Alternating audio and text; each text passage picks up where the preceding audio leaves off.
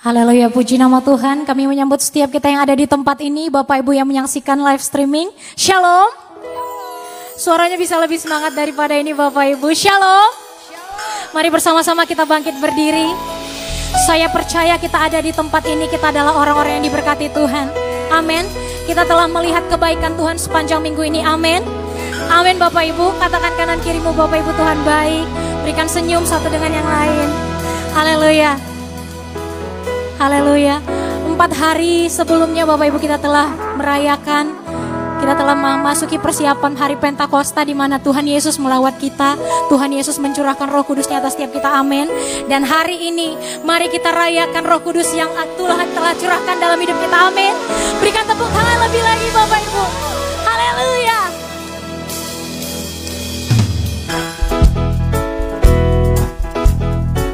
Mari bersama-sama bertepuk tangan di hadapan Tuhan.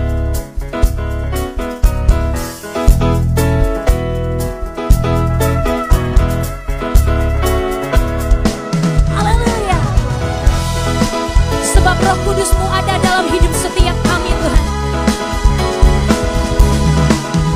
Jangan lelah bekerja di ladangnya Tuhan. Roh kudus yang beri kekuatan, yang mengajar dan menopang. Katakan, tiada lelah bekerja bersamamu Tuhan, yang selalu you.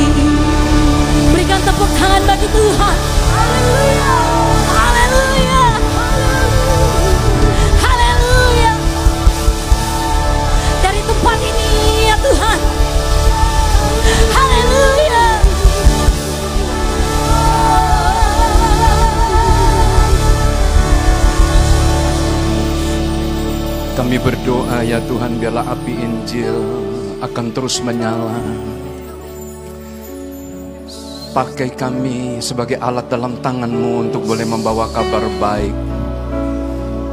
Selama kami ada ya Tuhan.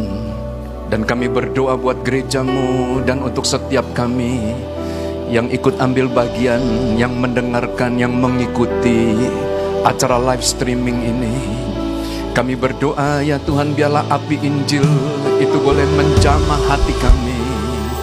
Oh rabatakara lamatur ya ralama sikira lalara Kami berdoa ya Tuhan biarlah api Injil makin lama akan makin membesar di gerejamu ini. Oh ribidiara lama takara lama tur ya rala bara bara bara bara bara bara bara bara bara bara bara bara bara bara bara Kami berdoa ya Tuhan buat gerejamu. Baik gereja-gereja yang ada di lingkungan PGI, PGLII, PGPI dan juga di gereja-gereja aras-aras nasional lainnya ya Tuhan. Kami berdoa Engkau membangkitkan Engkau membangkitkan api penginjilan. Kami berdoa buat jiwa-jiwa Oh rabatakara lamatu Mari angkat saudara Oh rabatakara lamatu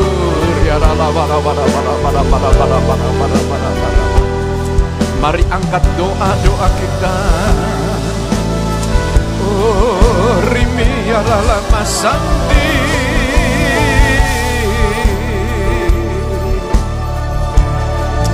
Hallelujah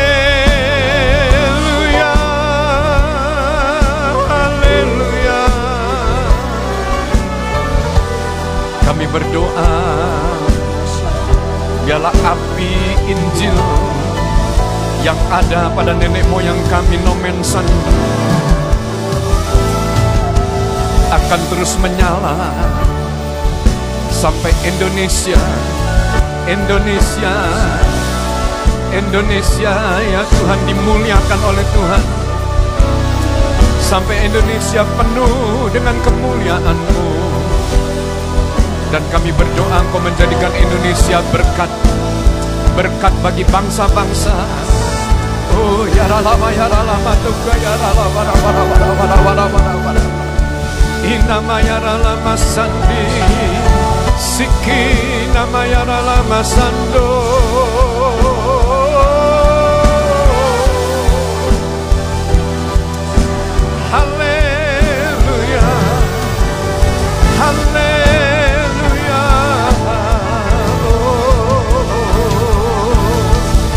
Kudus kami berdoa saat ini. Urapi kami Urapi kami Urapi kami. Inama ya lama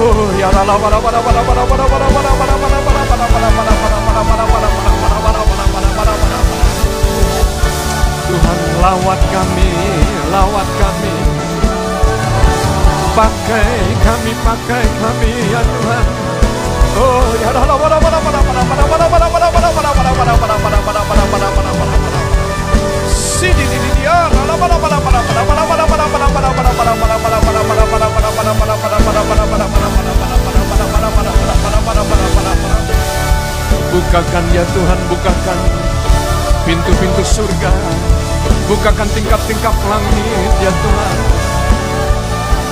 Aku mencurahkan dengan berlimpah-limpah Oh ya Allah wala wala wala wala wala wala wala wala wala wala wala wala wala wala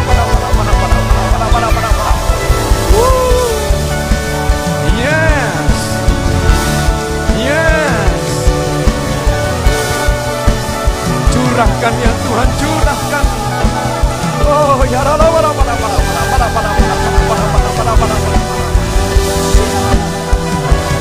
Oh ya ya dalam masih ya dalam mana mana mana mana mana mana mana mana mana mana mana mana mana mana Oh dalam mata dalam mata ya dalam masya dalam dalam dalam mana mana mana Kene mete kena mata mata ya mana We bless you, we bless you, Lord. Oh, karala masih di dia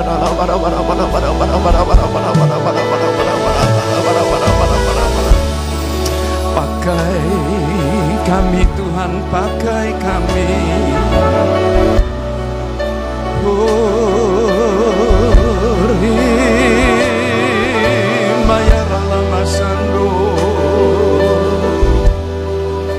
Oh,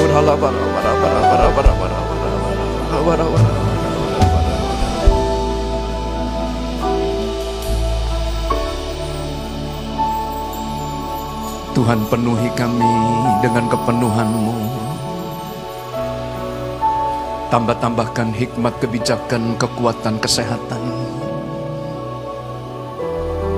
Kami berdoa saat ini bagi hamba-hambamu yang dalam keadaan sakit. Kami berdoa ya Tuhan untuk Bapak Joni Lim. Kami berdoa ya Tuhan buat Ibu Elisha Ketaren. Kami berdoa ya Tuhan buat setiap kami yang terbaring di rumah dalam keadaan lemah. Kiranya Engkau membangkitkan kami dari tempat tidur kami. Engkau memberikan kesehatan yang berlimpah-limpah. Dan biarlah hadirat dan pengurapanmu yang ajaib saat ini menjamah saudara-saudara kami dalam nama Tuhan Yesus.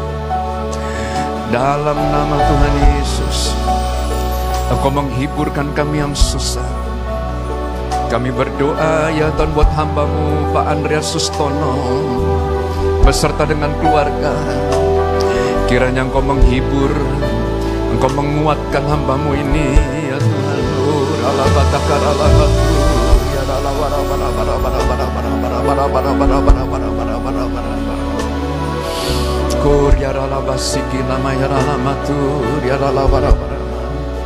Kami berdoa juga untuk memberkatan pernikahan daripada Yonatan dan Kristi yang akan dilaksanakan di Jogja. Kami mohonkan ya Tuhan berkatmu, berkatmu ya Tuhan kau hadir untuk membawa kesukaan bagi pasangan ini. Kuri biarala mata karala matur biarala wara wara wara wara wara wara wara wara wara wara dan saat ini kami mohonkan tuntunanmu ya Tuhan.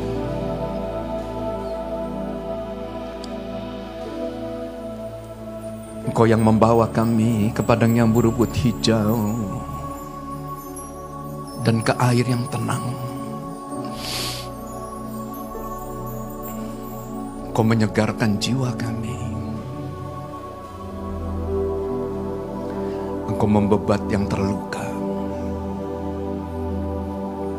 Engkau memulihkan roh tubuh dan jiwa kami. Engkau melepaskan kami yang terikat.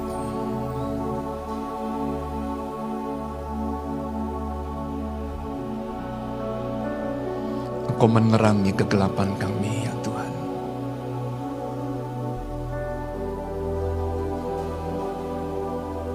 Kirimkan malaikatmu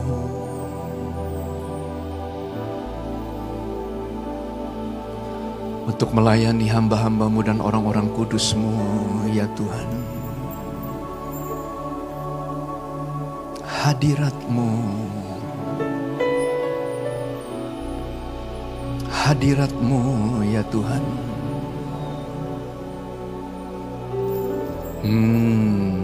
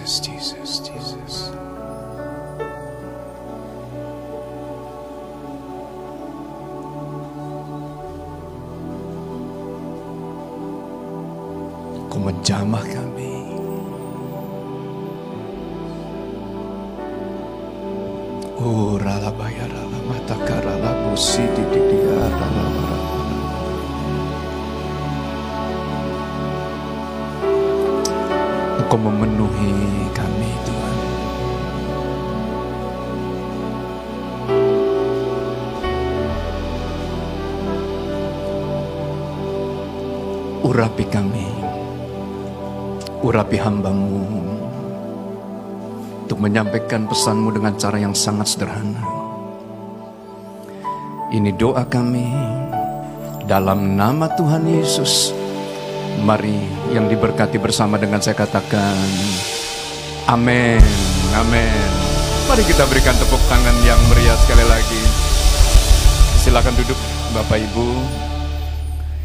Nah, saya ucapkan shalom buat kita semuanya. Shalom.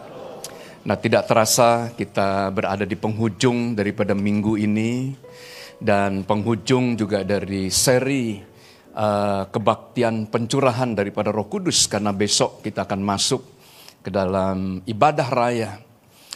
Nah, dari uh, minggu yang pertama, Saudara, kita telah uh, mendalami ada satu topik yang berjudul manusia duniawi dan manusia rohani. Pada minggu yang pertama saya menyampaikan ada dua pribadi yang sama-sama beribadah kepada Tuhan. Yang satu bernama Kain, yang kedua itu bernama Habel. Mereka sama-sama datang untuk mempersembahkan korban. Tetapi yang satu diterima oleh Tuhan, yang satu ditolak. Nah kita bingung saudara kenapa Tuhan menerima persembahan Habel dan menolak persembahan Kain. Nah kalau kita melihat di dalam satu Yohanes pasal yang ketiga ayat yang ke-12. Maka Alkitab mencatat seumur hidupnya Kain berbuat apa yang jahat. Tetapi seumur hidupnya Habel berbuat apa yang benar. Saudara Tuhan menerima persembahan Habel bukan karena persembahannya. Tapi oleh karena Habel hidup benar di hadapan Tuhan. Habel lambang daripada manusia rohani. Dan Kain lambang daripada manusia duniawi. Di dalam satu Korintus pasal yang ketiga, maka Alkitab juga menyebutkan jika ada iri hati, perselisihan, pertengkaran, perpecahan di antara kita. Itu menandakan bahwa kita masih manusia duniawi dan kita belum menjadi manusia yang rohani. Orang-orang Yahudi yang tinggal di Berea, mereka memiliki karakter yang lebih baik daripada orang-orang Yahudi yang tinggal di Tesalonika.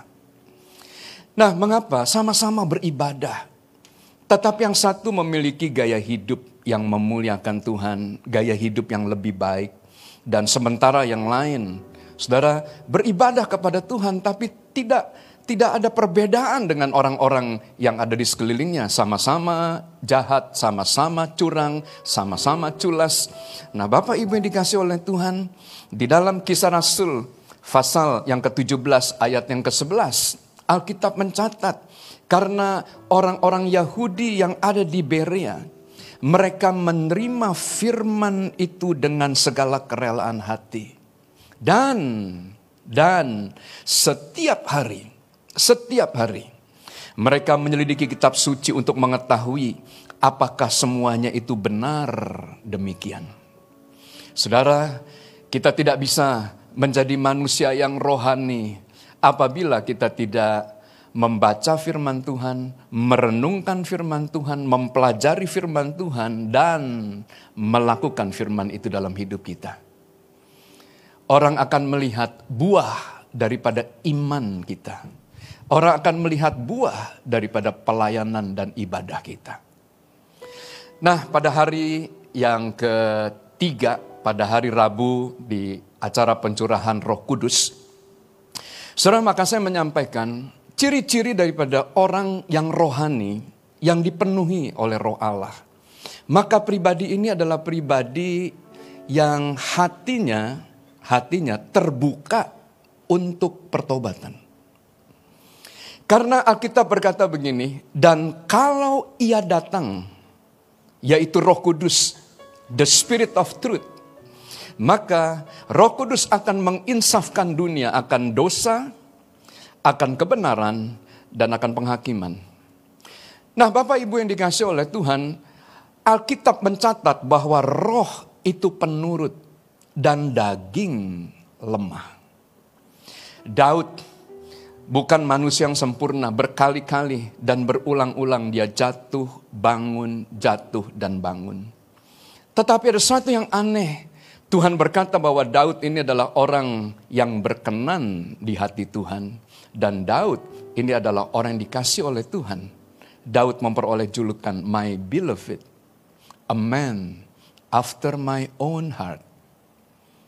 Seorang yang hatinya itu sangat dekat yang hatinya itu melekat dengan Tuhan. Mengapa Daud bisa menjadi seorang yang sangat dekat? Saudara, oleh karena pada waktu dia ditegur, pada waktu Tuhan memberitahu kesalahan dia, maka Daud tidak mengeraskan hatinya, Daud mengakui dosa-dosanya. Sekalipun konsekuensi daripada pengakuan dosa, dia akan kehilangan nama baiknya. Dia akan kehilangan tahta dan pengaruh dan kuasa. Saudara Daud tidak peduli. Hanya satu yang dimohonkan oleh Daud. Tuhan hanya satu yang aku inginkan, yang aku harapkan. Jangan engkau mengambil rohmu daripadaku. Saudara Daud rela kehilangan apa saja. Yang penting roh kudus itu bersama-sama dengan dia. Pada waktu murid-murid bersama-sama dengan Tuhan Yesus, maka murid-murid berkata kepada Tuhan, Rabi, ajar kami untuk berdoa. Dan Tuhan mengajarkan doa yang terkenal yaitu doa Bapak kami. Dalam Injil Lukas, doa Bapak kami ditutup dengan perkataan seperti ini.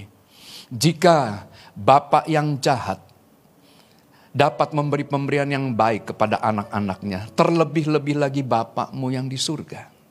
Jika kamu minta, maka Bapakmu yang di surga akan memberikan yang terbaik yang dimiliki oleh surga.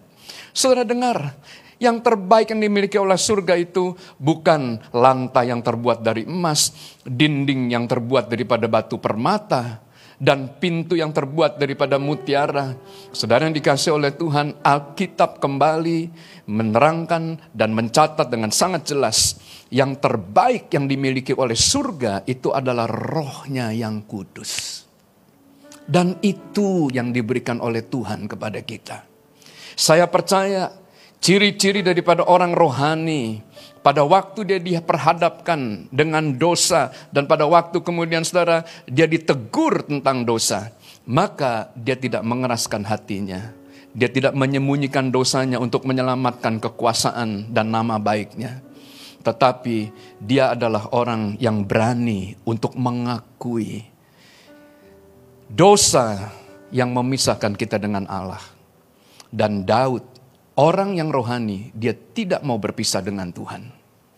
Nah saudara yang dikasih oleh Tuhan Yesus, hari ini saya ingin melanjutkan dengan kehidupan daripada dua orang anak Tuhan yang bernama Esau dan Yakob. Nah siapakah kedua anak, kedua pribadi ini? Saudara, mereka memiliki latar belakang yang luar biasa.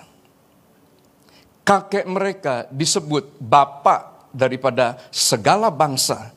Dan Abraham memperoleh anak yaitu bapak mereka yang bernama Ishak pada waktu Abraham berusia 100 tahun dan Sarah berusia 91 tahun.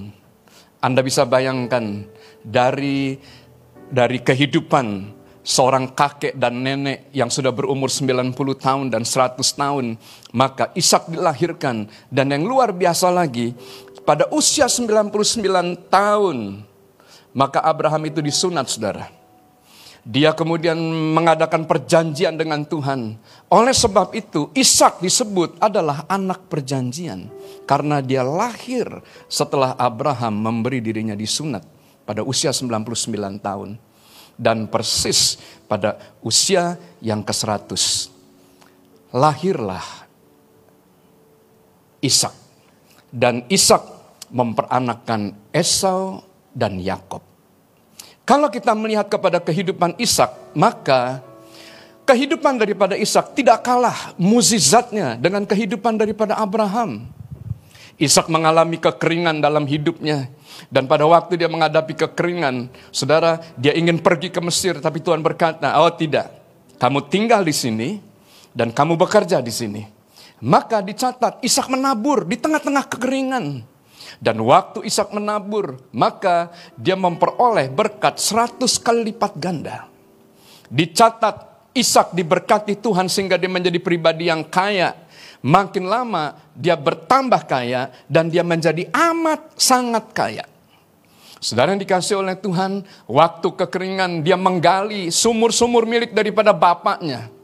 Dan setiap kali dia menggali sumur maka orang-orang Filistin pada waktu itu orang Amalek nah merebut uh, sumur-sumur tersebut. Esek, Sitna, dan kemudian Rehobot. Bapak ibu yang dikasih oleh Tuhan, Ishak tidak putus asa di tengah-tengah kekeringan.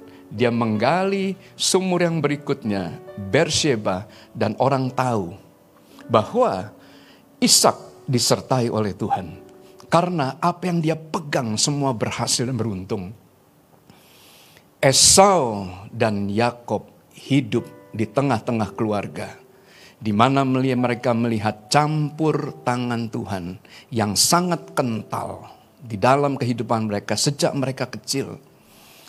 Abraham menceritakan tentang apa yang terjadi dan kemudian bapaknya Ishak menceritakan bagaimana Tuhan memberkati mereka.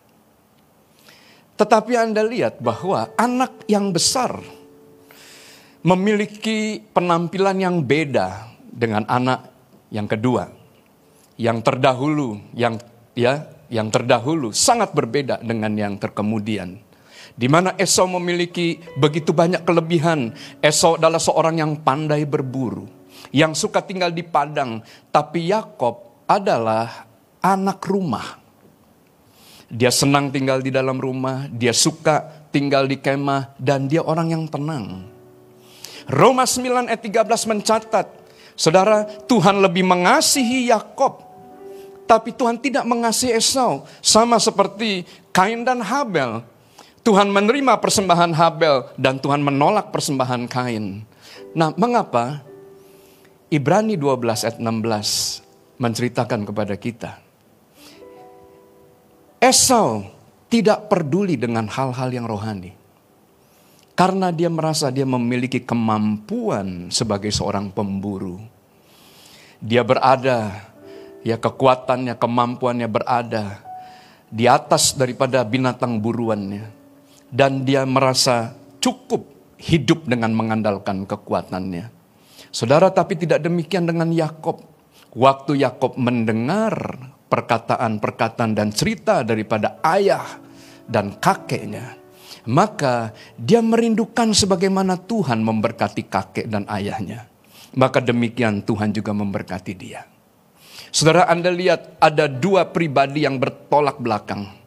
Yang satu sangat duniawi, yang satu itu sangat rohani. Nah, apa yang kemudian sudah dilakukan oleh Yakob? Oleh karena obsesinya terhadap hal-hal yang rohani.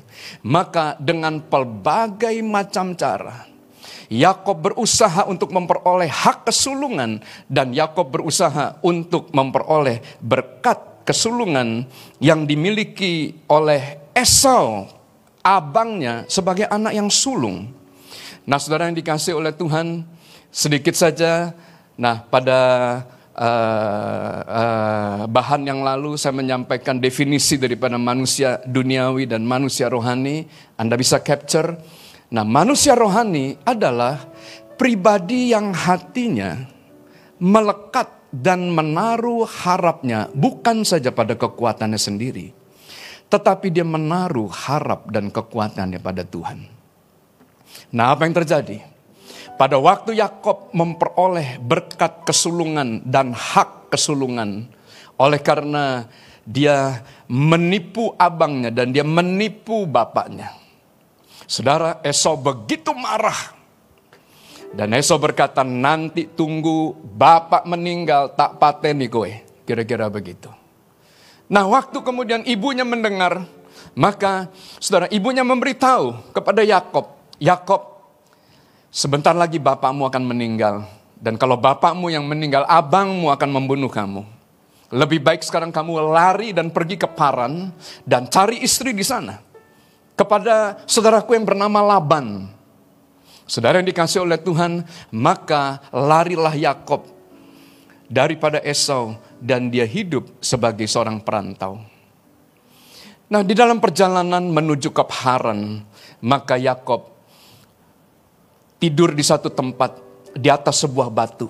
Dan pada waktu dia tertidur, maka dia bermimpi, dia melihat ada tangga yang kemudian menghubungkan tempat itu dengan surga dan dia melihat malaikat turun dan naik. Pada waktu dia bangun, maka kemudian saudara, dia kaget dan dia berkata, tempat ini adalah gerbang daripada surga. Dan di dalam mimpinya, di dalam Kejadian pasal yang ke-28. Maka Tuhan berdiri di sebelah daripada Yakob. Dan Tuhan memberkati Yakob sama persis dengan berkat yang Tuhan berikan kepada Abraham. Oleh karena kamu Yakob, segala kaum di muka bumi ini akan diberkati. Saudara yang dikasih oleh Tuhan, pada waktu Yakob bangun dari mimpinya, dari tidurnya, maka Yakob bernasar kepada Tuhan. Dia berkata begini, jika Allah akan menyertai dan akan melindungi aku di jalan yang kutempuh ini dan memberikan kepadaku roti untuk dimakan dan pakaian untuk dipakai, sehingga aku selamat kembali ke rumah ayahku, maka Tuhan akan menjadi Allahku dan batu yang kudirikan sebagai tugu ini akan menjadi rumah Allah dari segala sesuatu yang kau berikan kepadaku akan selalu kupersembahkan sepersepuluh kepadamu. Maka Yakob bersumpah, Yakob bernasar, Tuhan jika Tuhan menyertai perjalanan ini dan Tuhan melindungi aku di jalan yang kutempuh ini dan memberikan kepadaku roti untuk dimakan dan pakaian untuk dipakai, maka aku aku akan mempersembahkan sepersepuluh dari apa yang yang aku terima akan kukembalikan, akan kuberikan kepadamu. Saudara yang dikasih oleh Tuhan, saya melihat sejarah daripada perpuluhan. Sejarah perpuluhan yang pertama terjadi pada waktu Abraham itu bertemu dengan Melkisedek. Dan Melkisedek ini adalah imam Allah yang maha tinggi. Saudara, perjumpaan antara Abraham dengan Melkisedek, perjumpaan antara Ishak dengan Tuhan. Itu kemudian saudara melahirkan satu persembahan yang kita kenal dengan persembahan perpuluhan. Saudara dengar baik, saya mau sampaikan ini. Mengapa persembahan persepuluhan sekarang menjadi kontroversi dari banyak gereja? Ada yang berkata perpuluhan itu wajib, ada yang berkata perpuluhan itu tidak wajib. Saudara, singkatnya paling gampang begini. Alkitab mencatat orang-orang yang bertemu dengan Tuhan, dia mengalami pengalaman encounter with the Lord. Maka apa yang terjadi? Saudara, dia akan rela dan akan terbuka untuk memberikan perpuluhan. Orang-orang yang belum pernah bertemu dengan Tuhan, yang belum mengalami Tuhan, yang belum pernah dijamah oleh Tuhan, saya percaya berat untuk mereka mengeluarkan, mengembalikan persembahan perpuluhan. Karena persembahan perpuluhan itu adalah salah satu tanda kerohanian yang dimiliki oleh seseorang. Nah hal yang berikutnya dicatat pada zaman Raja Hizkia. Waktu Hizkia memerintah pada waktu dia berusia 25 tahun, masih usia yang sangat muda. Maka apa yang dilakukan oleh Hizkia? Hizkia memerintahkan untuk menutup semua tempat-tempat penyembahan. Bukit-bukit pengorbanan semua ditutup. Nah saudara pada waktu kemudian penyembahan berhala dihancurkan di zaman Hizkia, maka dicatat mereka meng, mereka mengumpulkan persembahan perpuluhan dan Alkitab mencatat dalam kitab Tawarikh tidak pernah terjadi dalam sejarah Israel persembahan perpuluhan begitu banyak dan bertumpuk-tumpuk sehingga mereka bersukaria, mereka bersorak-sorak. Mengapa? Karena mereka melihat satu bangsa itu berbalik kepada Tuhan. Saudara yang dikasih oleh Tuhan, dengan kata lain, kita bisa menarik kesimpulan, selama masih ada berhala dalam hidup kita, susah buat kita untuk mengembalikan perpuluhan. Nah mari kita akan lihat kejadian yang lebih lanjut. Maka di dalam kejadian pasal 31 ayat yang ke-41, singkatnya Yakob bekerja selama 20 tahun di rumah Laban pamannya. 14 tahun dia bekerja untuk memperoleh dua istrinya dan kemudian enam tahun lamanya dia bekerja untuk mendapat ternak. Dan tahukah Anda selama 20 tahun, 20 tahun, Yakob bekerja 10 kali Laban mengubah upahnya.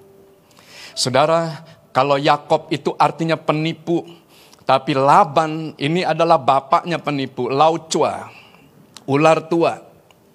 Nah maka saudara, ya Yakob tidak berdaya apa-apa. Anda bayangkan, kalau Anda bekerja, begitu kemudian dia melihat Anda untung, dia rubah lagi.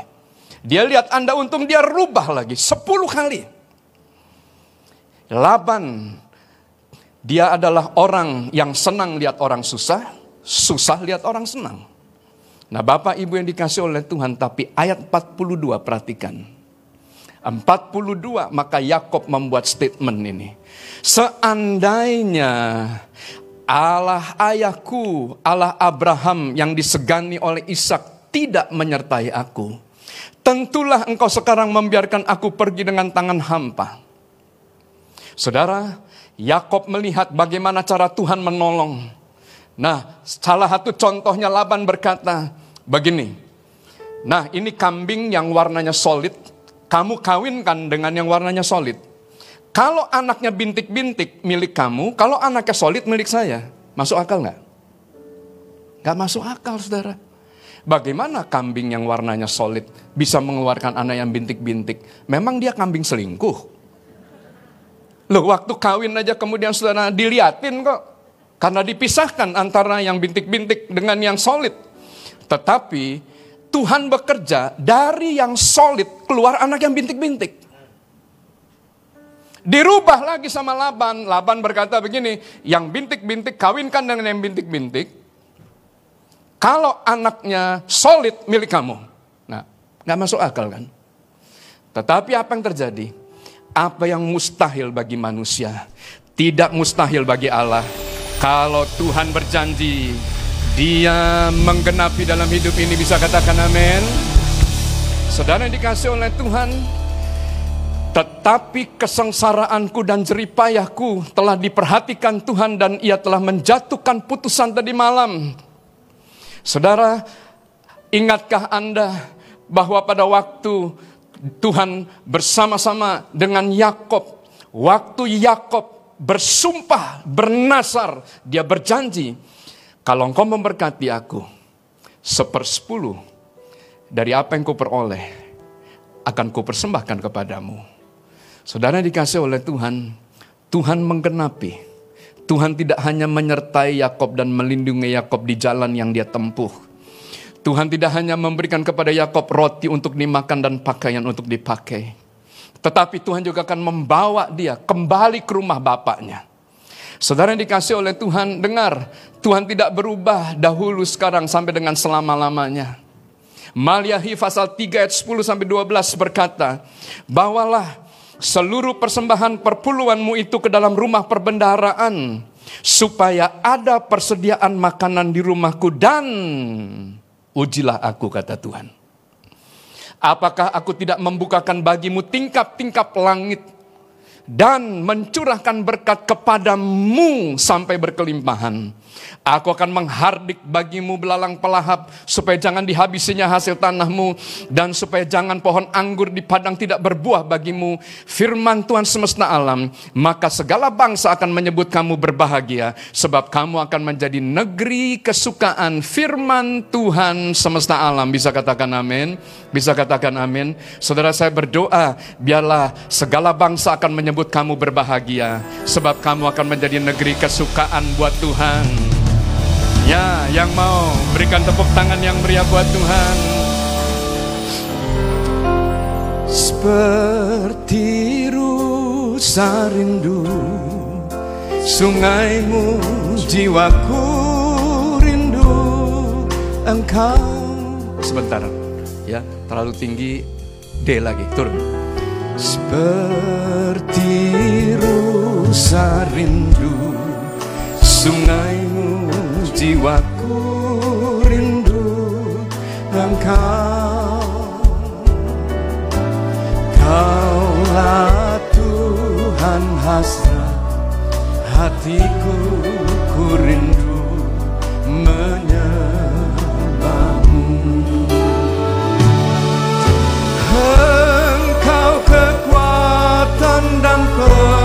perisaiku. Kepadamu rohku berserah. Kaulah Tuhan hasrat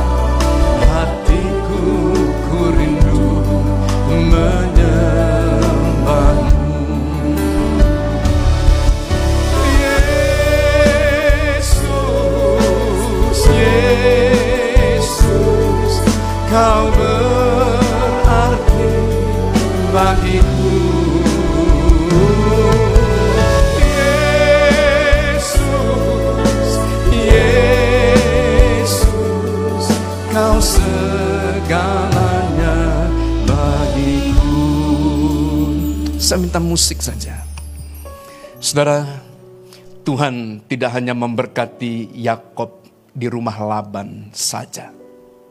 Tuhan mengenapi perjanjiannya. Yakob minta supaya dia kembali ke rumah bapaknya. Dan Tuhan membawa Yakob untuk kembali ke rumah bapaknya. Di dalam perjalanan, maka pengalaman yang kedua di Mahanaim, Yakob bertemu dengan malaikat Tuhan, yaitu bala tentara surga yang menyertai dengan dia. Sering dikasih oleh Tuhan, apa yang terjadi pada waktu Yakob ingin berdamai dengan abangnya yang bernama Esau. Saudara, maka dia berjumpa dengan Tuhan untuk kali yang kedua di penil. Dia bergumul dengan Tuhan dan Tuhan memukul pangkal paha daripada Yakob. Sehingga dia kemudian sudah terpincang-pincang sampai masa tuanya. Kalau Yakob pada waktu dia muda, dia mengusahakan hal-hal yang rohani dengan kekuatan jasmani. Tuhan mengajar bahwa hal-hal yang rohani itu adalah anugerah yang Tuhan berikan kepada orang yang dia cintai, kepada orang yang dia kasihi, kepada orang yang dia pilih. Saudara yang dikasih oleh Tuhan, apa yang terjadi? Tuhan berfirman, Janganlah engkau menganggap keji orang Edom sebab dia saudaramu. Janganlah engkau menganggap keji orang Mesir sebab engkau pun dahulu adalah orang asing di negerinya. Bapak, Ibu yang dikasih oleh Tuhan, dengar. Ciri-ciri yang berikut dari orang rohani. Dia adalah orang yang selalu berusaha dan berinisiatif untuk perdamaian. Garis bawahi Orang yang tidak mau berdamai itu ciri-ciri daripada orang yang duniawi. Dan pada waktu orang yang rohani, nah ini hatinya terbuka kepada Roh Kudus, Roh Kudus akan berbicara. Kamu jangan membenci. Sekalipun Edom itu keji, sekalipun Edom itu musuhmu, kasihilah dia. Kembalilah dan berdamai dengan dia. Serang dikasih oleh Tuhan, Ya, dengar baik. Hari-hari ini maka dunia dikejutkan dengan peperangan antara Israel dengan Palestina. Nah, maka kemudian sudah muncullah kelompok dan golongan yang pro dengan Palestina. Dan demikian juga muncullah golongan yang kemudian pro dengan Israel. Bapak Ibu yang dikasih oleh Tuhan, saya memiliki sedikit catatan pada tanggal 11 Mei tahun 1949, maka Israel telah diakui oleh PBB sebagai negara yang berdaulat. Dan kemudian pada tanggal 31 Juli tahun 2019, baru dua tahun yang lalu, Palestina diakui oleh 190 negara sebagai negara yang berdaulat. Dan pada tahun 1967, di dalam perang enam hari dari tanggal 5 sampai dengan 10 Juni, maka Israel itu kemudian menguasai Yerusalem bagian timur, di mana tembok ratapan dan Masjid Al-Aqsa itu ada di bawah kekuasaan dan wilayah daripada Israel. Tanggal 13 Agustus tahun 2020, dokumen Abraham Accords di menandai normalisasi antara hubungan dunia Arab, sekali lagi, hubungan antara dunia Arab dengan Israel, ada perjanjian kerjasama dan ada perjanjian diplomatik. Nah, Indonesia termasuk daripada anggota negara OKI. But, negara-negara seperti Arab Saudi, Mesir, Turki, Yordania, Uni Emirat Arab, Bahrain, Sudan, Oman, Maroko. Mereka telah menjalin hubungan diplomatik dan menandatangani perjanjian damai dengan Israel. Palestina hari ini dikuasai oleh dua faksi. Yang pertama adalah Hamas, yang kedua adalah Fatah. Fatah ini adalah faksi yang dipimpin oleh Yasir Arafat yang kita kenal dengan PLO. Tapi siapakah Hamas? Hamas ini adalah cabang daripada organisasi Islam garis keras yaitu Ikhwanul Muslimin yang lahir dari Mesir. Nah maka mereka kemudian pada tahun uh, 1987, nah ini mulai membentuk satu gerakan yang bernama Intifada. Dan mereka berkembang menjadi partai politik dan kemudian menjadi salah satu daripada pemegang kekuasaan yang ada di Palestina. Dan bangsa-bangsa menyebut Hamas itu sebagai organisasi teroris. Anda klik saja kemudian di Google, daftar 10 organisasi teroris yang terkaya di dunia. Maka Anda akan menemukan Hamas, dia memiliki penghasilan 700 juta US dollar per tahun. Jadi kalau PMI, PMI Indonesia, nah menyumbangkan uang satu miliar untuk Palestina, nah itu nggak ada apa-apa dibandingkan dengan pemasukan dan income yang dimiliki oleh Hamas. Saudara yang dikasih oleh Tuhan, seorang profesor yang mengajar di Universitas Pertahanan Indonesia yang bernama Koni Rahat Kundini Bakri. Beliau kemudian berkata begini, kalau Indonesia ingin berperan sebagai juru damai, sebagai pendamai, sebagai pembawa rekonsiliasi, maka Indonesia harus membuka hubungan diplomatik dengan Israel. Nah, ini bukan kata saya, ini kata pendapat ahli. Mengapa? Karena kita tidak bisa menjadi juru damai pada waktu kita hanya membuka jalur distrib, uh, jalur di, uh, diplomatik kepada negara yang satu dan kita tidak mau membuka jalur diplomatik kepada negara yang bertika yang kedua. Nah Bapak Ibu yang dikasih oleh Tuhan, saya berharap dan kita akan melihat kematangan rohani daripada pimpinan-pimpinan bangsa kita. Saya percaya orang rohani selalu akan cenderung untuk berdamai. Bukan bermusuhan. Bukan kemudian mengobar-ngobarkan perang Nah, pada waktu Yakob mengambil keputusan untuk berdamai dengan abangnya, maka apa yang terjadi? Yakob namanya dirubah, bukan lagi penipu. Dia namanya dirubah menjadi Israel. Menjadi bangsa milik kepunyaan Tuhan. Bangsa yang adalah ya Tuhan itu adalah Allah buat bangsanya. Saudara yang dikasih oleh Tuhan dari Yakob maka kemudian lahirlah 12 suku Israel. Saya percaya pada waktu kita mau berdamai, maka Tuhan akan mengubah dari seorang penipu menjadi bapak daripada sebuah bangsa. Bisa katakan amin? Bisa katakan amin? Berikan tepuk tangan yang meriah. Yesus, kau berarti bagiku.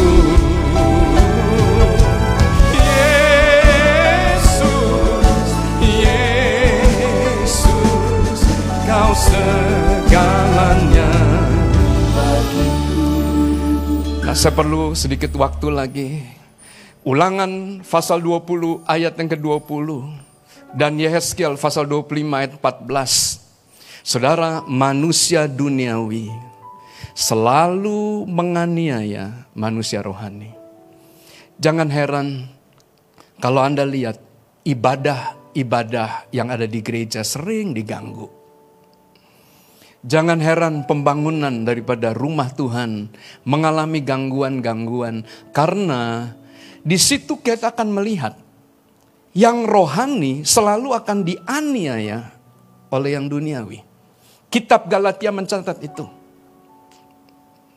Waktu kemudian Esau menurunkan keturunan, maka apa yang terjadi? Waktu Israel keluar dari tanah Mesir dan ingin melewati daerah mereka, mereka menghadang dan mereka memaksa Israel yang adalah adiknya sendiri mati di padang gurun karena tidak ada orang yang sanggup hidup di padang gurun. Dan Tuhan lihat ini sebagai suatu kejahatan. Bapak, Ibu yang dikasih oleh Tuhan, maka Ayub pasal 5 ayat 17 sampai dengan 18 Sesungguhnya berbahagialah manusia yang ditegur Allah.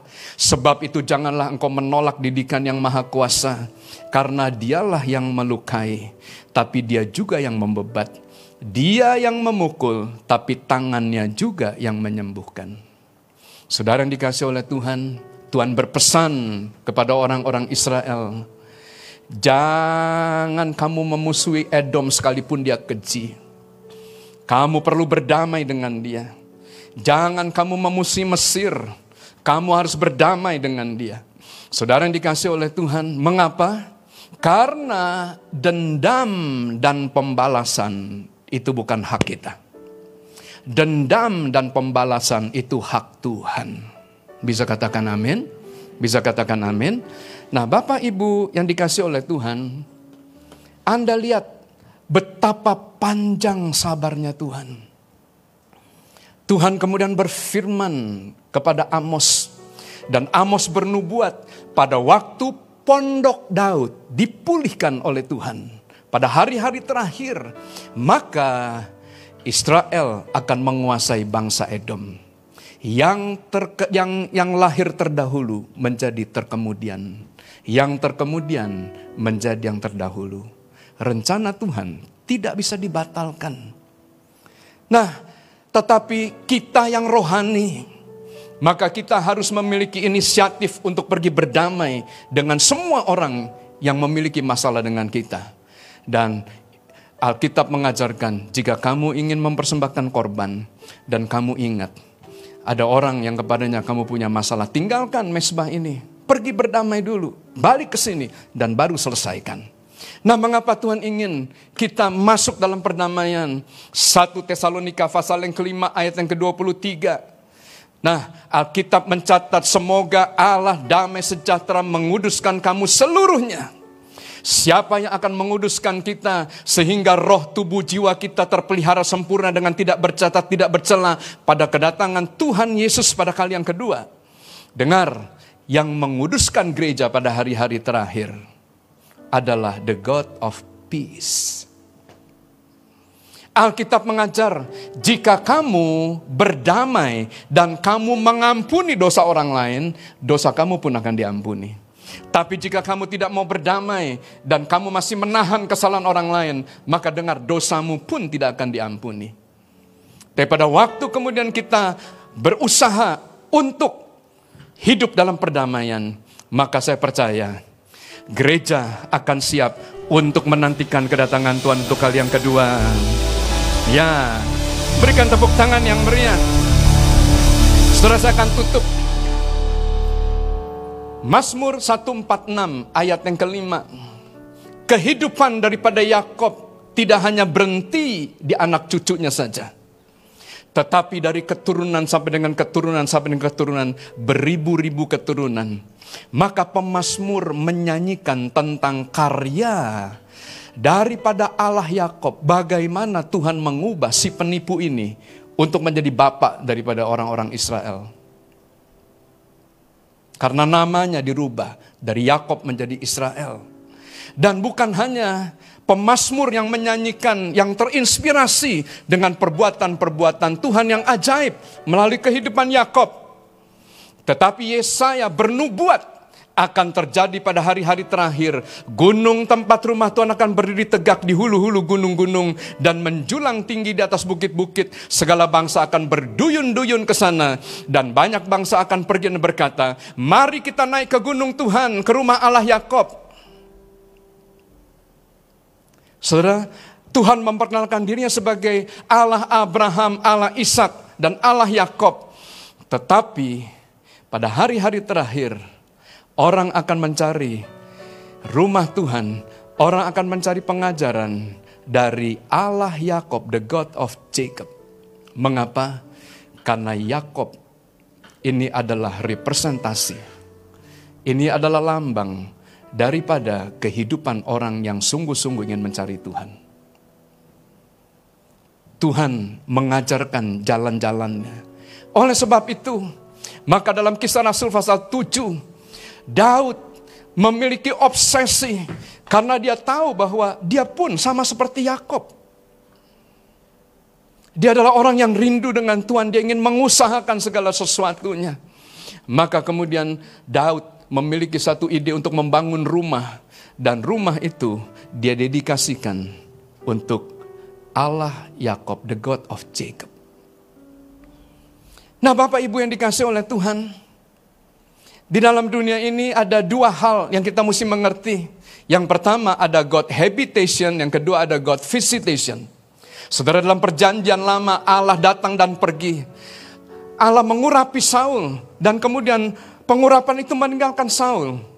Tapi Daud dia berkata, Tuhan aku akan buang, aku akan membangun sebuah rumah. Supaya engkau dapat tinggal bersama-sama dengan aku. Sehingga anak cucunya bisa belajar bagaimana Tuhan mengubah si penipu ini menjadi bapak daripada sebuah bangsa. Saudara yang dikasih oleh Tuhan dan saya akan tutup. Di akhir daripada kehidupan Yakob. Maka Yakob kemudian saudara dibawa oleh anak-anaknya bertemu dengan Yusuf anak yang dia kasihi ada di Mesir. Dan pada waktu kemudian dia kumpul bersama-sama dengan anaknya dengan cucunya. Maka kemudian saudara di hari terakhirnya Yakob mengumpulkan anak cucunya, Yakob memberkati anak cucunya, dan setelah dia memberkati anak cucunya, dia mengangkat kakinya ke tempat tidur, dan dia meninggal, disaksikan oleh anak cucunya. Saudara dengar baik, Daud adalah orang yang dikasihi oleh Tuhan, a man after my own heart, said the Lord. Tapi bagaimana dia mati? Dia mati dalam keadaan sepi dan sendirian. Dia hanya ditemani oleh Abisak, perempuan muda yang tidak mengenal dan yang tidak dikenal oleh Daud. Ke mana istri dan anak-anak yang begitu banyak? Istri anak-anaknya meninggalkan dia karena Daud menyakiti hati istri dan anak-anaknya. Saudara yang dikasih oleh Tuhan, Yakob juga memiliki empat istri. Tapi Anda lihat, di akhir kehidupannya, tidak ada satupun daripada anak-anaknya yang kecewa dengan dia, yang marah dengan dia. Tapi semua anak-anaknya berkumpul dan mengantar kepergian daripada bapaknya. Saudara, tiap saya baca ini, hati saya menangis. Karena saya juga rindu satu waktu nanti satu waktu nanti kita akan mati dengan cara seperti ini. Kita tidak mau mati bersama-sama dengan orang yang tidak kita kenal. Tapi kita mau meninggal di tengah-tengah orang yang kita cintai. Kita pernah salah, Yakob pernah salah. Tetapi di akhir kehidupannya, karena dia adalah pribadi yang suka berdamai, maka dia mendamaikan seluruh anak-anaknya. Mengapa kita perlu memberitakan Injil? Karena Injil itu disebut adalah pelayanan rekonsiliasi. Hari ini ada berapa banyak Anda yang mau mengalami seperti yang dialami oleh Yakob? Tuhan mengubah hidup kita. Tuhan pakai hidup kita. Yang mau mari kita bangkit berdiri. Seperti rusa rindu sungaimu jiwaku rindu. Engkau siapkan perjamuan kudus. Kaulah Tuhan hasrat hatiku ku rindu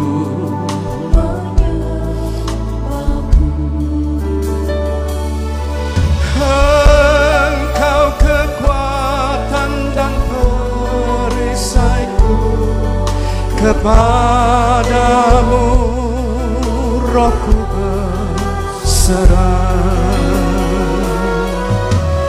Kaulah Tuhan hasrat hatiku ku rindu Saya minta musik saja. Yakob kehidupan yang mendatangkan inspirasi bukan hanya untuk anak cucunya. Tapi Yesaya bernubuat pada hari-hari terakhir, orang akan melihat gunung Tuhan menjulang tinggi di antara gunung-gunung yang lain. Orang akan berebut naik ke atas gunung Tuhan hanya untuk mencari satu hal, mencari pengajaran, mencari firman Tuhan Karena mereka tahu pada waktu mereka mempelajari firman Tuhan, Tuhan mengubah tabiat, sifat kedagingan. Yakob dari penipu dirubah untuk menjadi Israel. Dan pada waktu dia menjadi Israel, maka Tuhan mengubah dia menjadi berkat sampai kepada beribu-ribu ribu turunan anak cucunya merupakan pemenang-pemenang hadiah Nobel yang terbesar di dunia. Dia bukan hanya menjadi inspirasi, tapi berkat daripada kakeknya Abraham, bapaknya Ishak, dan Allah yang kepada juga beribadah diwariskan kepada anak cucunya sampai dengan hari ini. Sehingga Alkitab berkata, tidak pernah aku melihat keturunan daripada orang benar meminta-minta roti. Tapi keturunan daripada orang benar akan memberi pinjaman. Mengapa? Karena mereka memiliki perjanjian dengan Tuhan. Dan perjanjian itu dimulai pada waktu saudara dan saya bertemu dengan Tuhan. Orang yang bertemu dengan Tuhan dia akan melepaskan dia akan membuat perjanjian dengan Tuhan melalui persembahan perpuluhan. Waktu Anda mengembalikan perpuluhan, maka Tuhan berkata, "Ujilah aku, ujilah aku." Setelah yang dikasih oleh Tuhan di hadapan kita roti dan anggur, lambang tubuh dan darah Kristus. Sebelum kita makan dan minum, mari kita mulai menguji diri kita masing-masing. Jika kemudian ada dosa dan kesalahan yang kita lakukan yang masih kita sembunyikan, mari kita akui di hadapan Tuhan. Ciri-ciri orang yang rohani dia akan terbuka. Tuhan ampuni kami. Sebentar kami akan masuk dalam perjamuan. Sucikan dan kuduskan kami. Sebab apa yang telah kuteruskan kepadamu telah aku terima dari Tuhan, yaitu bahwa Tuhan Yesus pada malam waktu dia serahkan mengambil roti. Mari kita angkat roti di, tangan kanan kita tinggi-tinggi. Dan setelah itu ia mengucap syukur atasnya. Ia memecah-mecahkan dan berkata, inilah tubuhku yang diserahkan bagi kamu. Perbuatlah ini menjadi peringatan akan aku. Saudara yang dikasih oleh Tuhan bukankah? Roti yang atas kita ucapkan syukur adalah persekutuan kita dengan tubuh Kristus makanlah.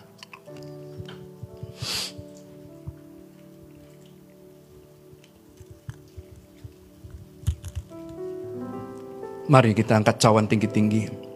Demikian juga yang mengambil cawan sudah makan lalu berkata, Cawan inilah perjanjian baru ini meteraikan oleh darahku. Perbuatlah ini setiap kali kamu meminumnya menjadi peringatan akan aku. Saudara yang dikasih oleh Tuhan bukankah cawan yang atas kita ucapkan syukur ala persekutuan kita dengan darah Kristus? Minumlah. Mari buka kedua tangan saudara. Ucapkan syukur. Terima kasih. Terima kasih Tuhan, terima kasih. Kami bersyukur. Kami bersyukur. Terima kasih Yesus. Terima kasih Yesusku Puji syukur. Hanya bagi Tuhanku.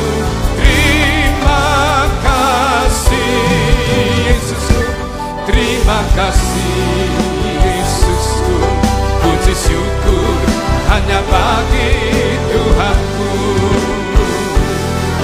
Puji syukur hanya bagi Tuhanku.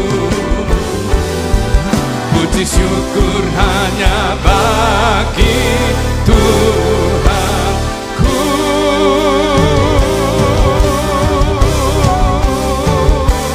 We thank you and we thank you Lord Hambamu berdoa ya Tuhan Biarlah yang terutama, yang terdahulu menjadi yang terkemudian.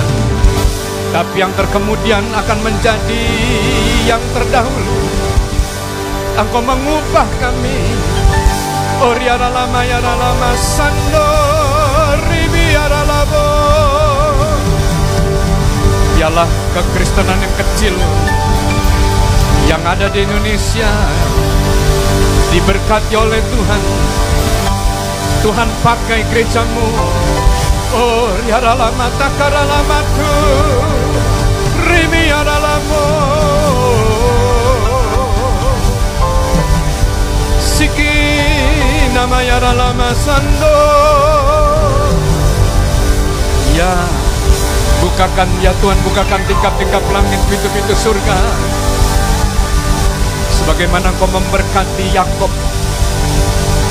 demikian kau memberkati kami dan pakai kami untuk memberkati bangsa ini.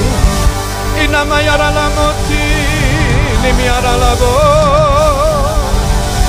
Pakai, pakai, pakai hamba-hambamu yang ada di pemerintahan. Pakai, pakai hamba-hambamu yang ada di dunia bisnis. Yang ada dalam dunia pendidikan, pakai ya Tuhan. Ini miara moti kini adalah Pakai gerejamu ya Tuhan, pakai, pakai kami.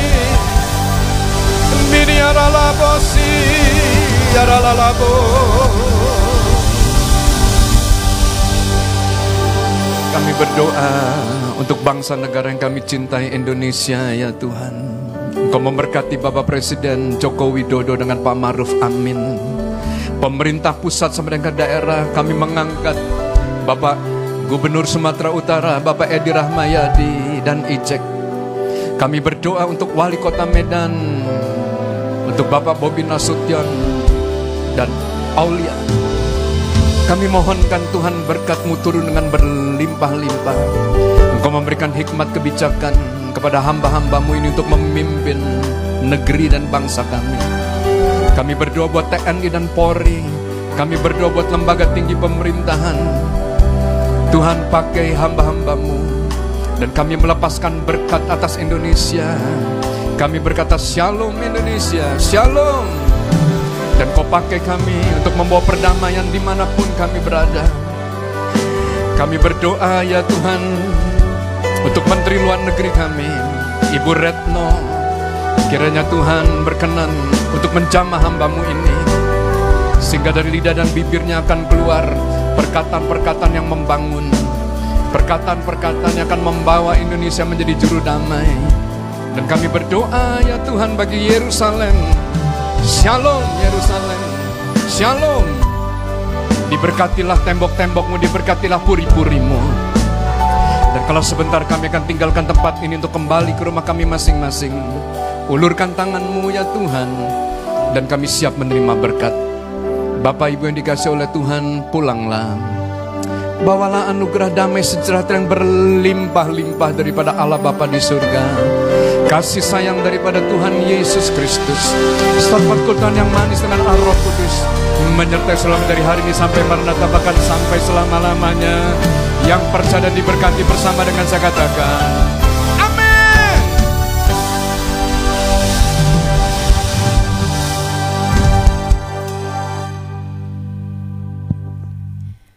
Bagi Bapak Ibu yang ingin memberikan persembahan dapat melakukan scan barcode pada layar monitor yang tersedia. Dan bagi Bapak Ibu yang ingin mengetahui kegiatan gereja dapat mengakses informasi di seluruh akun sosial media gereja Keluarga Besar GBI Medan Plaza. Selamat berakhir pekan Bapak Ibu, tetap jaga protokol kesehatan. Sampai jumpa Sabtu depan. Tuhan Yesus memberkati. Shalom.